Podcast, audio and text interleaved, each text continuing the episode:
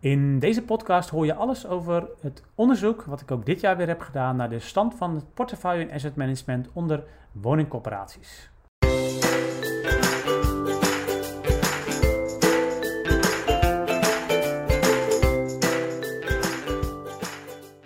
Ja, ik doe al sinds 2017 jaarlijks een onderzoek uh, naar de stand van zaken met betrekking tot portefeuille en asset management. En uh, dit jaar hebben daar ook weer uh, 59 corporaties aan meegenomen, uh, aan meegedaan. En ja, in het hele onderzoek sinds 2017 zijn al 481 enquêtes ingeleverd.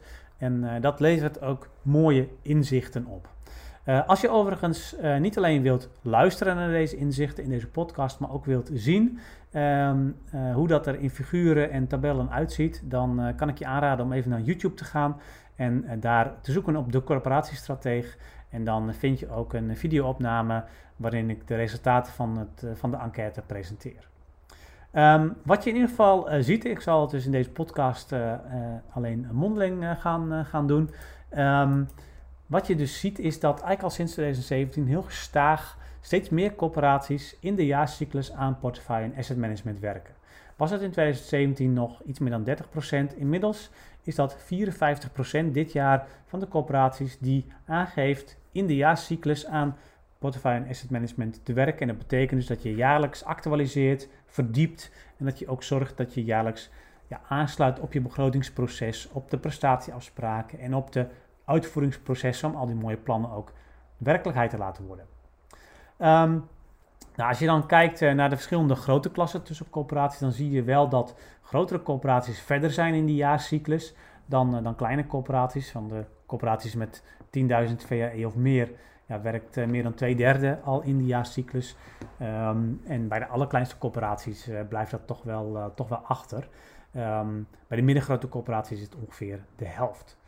Dat betekent overigens niet dat de grote corporaties ook beter scoren per se op het inhoudelijke aspect. Hè? Dus dat je dus echt weet, um, ja, wat speelt er nou echt in het werkgebied en heb ik daar ook goede plannen voor. Uh, dat is niet zo. Dat, dat leek wel een trend in de afgelopen jaren dat de grote corporaties eigenlijk de kleintjes een beetje aan het inhalen waren.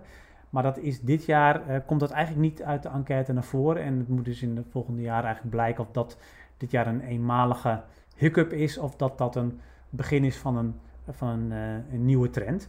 Um, dus, dat, dus, dat, gaan we zien. In ieder geval is het zo dat, ja, dat de grote corporaties duidelijk beter scoren op het werken in de jaarcyclus, maar dat dat inhoudelijk nog niet tot hele substantiële uh, verschillen leidt tot hoe goed ken je nou je werkgebied. En misschien is de conclusie ook wel dat, ja, dat grote corporaties dus wel in de jaarcyclus moeten werken om überhaupt op een bepaald basisniveau te zitten. En dat, ja, dat, want, want tegelijkertijd is de conclusie ook dat eigenlijk alle corporaties, groot en klein, nog wel heel veel kunnen verbeteren en kunnen groeien, ook juist op dat inhoudelijke aspect. Um, ik heb ook even gekeken in uh, de enquête dit jaar van eh, in hoeverre is er nou een relatie tussen goed scoren op alle andere onderdelen, alle andere puzzelstukjes van portefeuille en asset management, die veel meer randvoorwaardelijk zijn, zoals heb je de organisatie op orde, hè, dus weet iedereen wat hij moet doen, is er ook tijd voor. Het proces op orde, hè, dus dat je goed aansluit, dat je weet in welke volgorde je de verschillende onderdelen moet doen. Uh, de data, dat je goede en, en, uh, en, voldoende kwalitatieve data beschikbaar hebt en dat je ook uh, als laatste puzzelstukje goede software tot je beschikking hebt waar je mee kunt werken. al die vier onderdelen die dragen bij, als het goed is, aan ja, het inhoudelijk in beeld hebben van de problemen en de kansen in je werkgebied. En ook dat je daar ook goede plannen voor kunt maken. Nou, dat, dat blijkt ook uit de enquête. Uh, als je kijkt naar de, de, relaties tussen een hoge score op bijvoorbeeld proces en een hoge score op inhoud, dan zie je ja, dat op het moment dat je hoger scoort op proces, dat je dus ook hoger scoort op het inhoudelijk goed in beeld hebben van de opgaven en dat je ook goede, dat je ook betere plannen maakt als corporatie. En dat geldt dus ook voor de organisatie op orde, de data op orde en de software op orde. Um, bij processen is die relatie het sterkst. Hè? Dus uh, dat is ook wel een van de succesfactoren om daar te beginnen. Uh, bij software is die ook heel duidelijk aanwezig. Bij organisatie en data is die iets minder sterk, maar nog steeds zie je daar een positieve bijdrage. Als je hoger scoort op data en als je hoger scoort op die organisatie, dan ga je ook beter inhoudelijk ja, kennis hebben van je werkgebied en ook betere plannen maken. De succesfactoren zijn dus om echt te beginnen met die processen en die software om onderdelen van portefeuille en asset management aan elkaar te knopen, om dat goed op orde te brengen. En ja, heel saai, maar echt consistent jaar op jaar doorontwikkelen. Ik zie gewoon dat de beste corporaties, dat zijn de corporaties die ook al het langste hiermee bezig zijn. En die elk jaar kijken van wat hebben we en eh, niet meteen alles van tafel gooien en weer helemaal opnieuw beginnen, maar echt kijken van oké, wat hebben we en waar kunnen we op doorbouwen, waar kunnen we verdiepen, et. Ehm, dus dat is echt een hele belangrijke succesfactor. En om je dan ook nog maar even een opdracht mee te geven om aan de slag mee te gaan, is um, ja, het gaat echt uh, steeds meer om uh, niet alleen meer het meedoen met portefeuille en asset management, dat je het, dat je doet en dat je allemaal op orde hebt, de processen, maar dat je ook echt voor de medailles gaat. Dus dat je ook echt um, zorgt dat het ook tot inhoudelijke, uh, betere kennis van je werkgebied en betere plannen leidt. Um, daarvoor is nog wel een belangrijk onderdeel dat ook de datakwaliteit verder verbetert. Dat is toch een onderwerp wat nog wel vaak wat achterblijft ten opzichte van andere scores.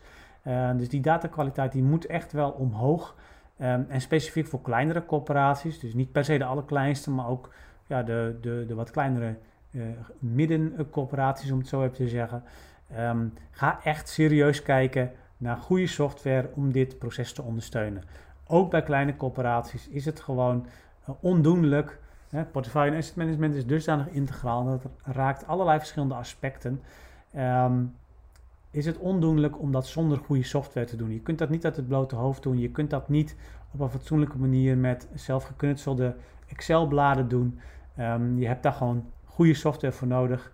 Um, en, en dat helpt je ook om die processen ook beter in te richten. En, uh, en, en, daarmee ja, ook uh, dus een ja, volgende slag te slaan in de professionalisering van je portefeuille en asset management. Nou, wil je daar nog verder mee? Um, kom dan zeker ook in oktober naar het seminar Portefeuille Asset Management, wat wij jaarlijks organiseren vanuit de Corporatiestrateeg. Kijk even op corporatiestrateeg.nl slash agenda voor alle informatie over dat seminar en ook over al onze andere trainingen en seminars over Portefeuille Asset Management, maar ook over andere corporatiegerelateerde onderwerpen.